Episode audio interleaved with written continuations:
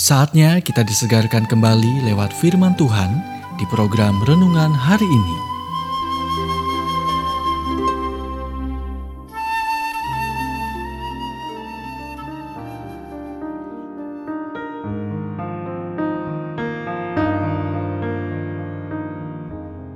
Renungan hari ini berjudul "Tunjukkan pada mereka bahwa Anda peduli". Nats Alkitab dari Ibrani 4 ayat 15 turut merasakan kelemahan-kelemahan kita. Bahasa Inggris bukanlah bahasa asli negara kepulauan kita. Tetapi sebelum kedatangan orang Eropa, bahasa kita tidak kurang atau tidak primitif. Kosakata bahasa ibu sama banyaknya dengan bahasa Inggris dan sering kali ekspresi bahasa ibu jauh lebih fasih. Dalam satu bahasa, misalnya konsep kata teman, dengan indah dinyatakan sebagai orang yang membawa kesedihan saya di punggungnya. Satu definisi yang sangat bagus.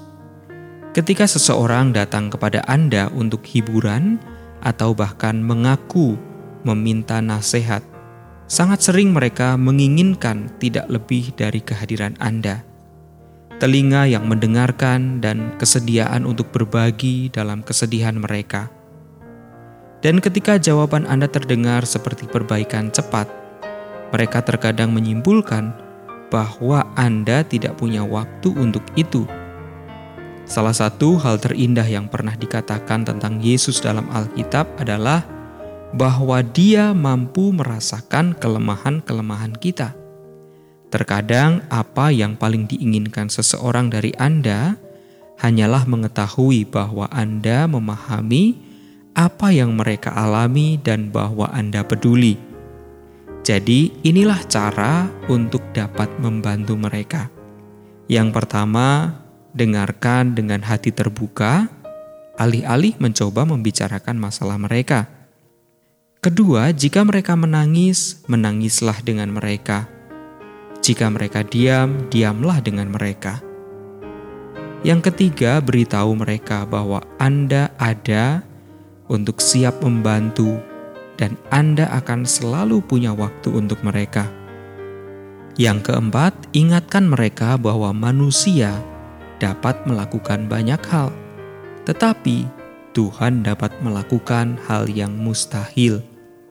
Yang kelima, jika mereka mengizinkan Anda, doakan untuk mereka dan bersama mereka.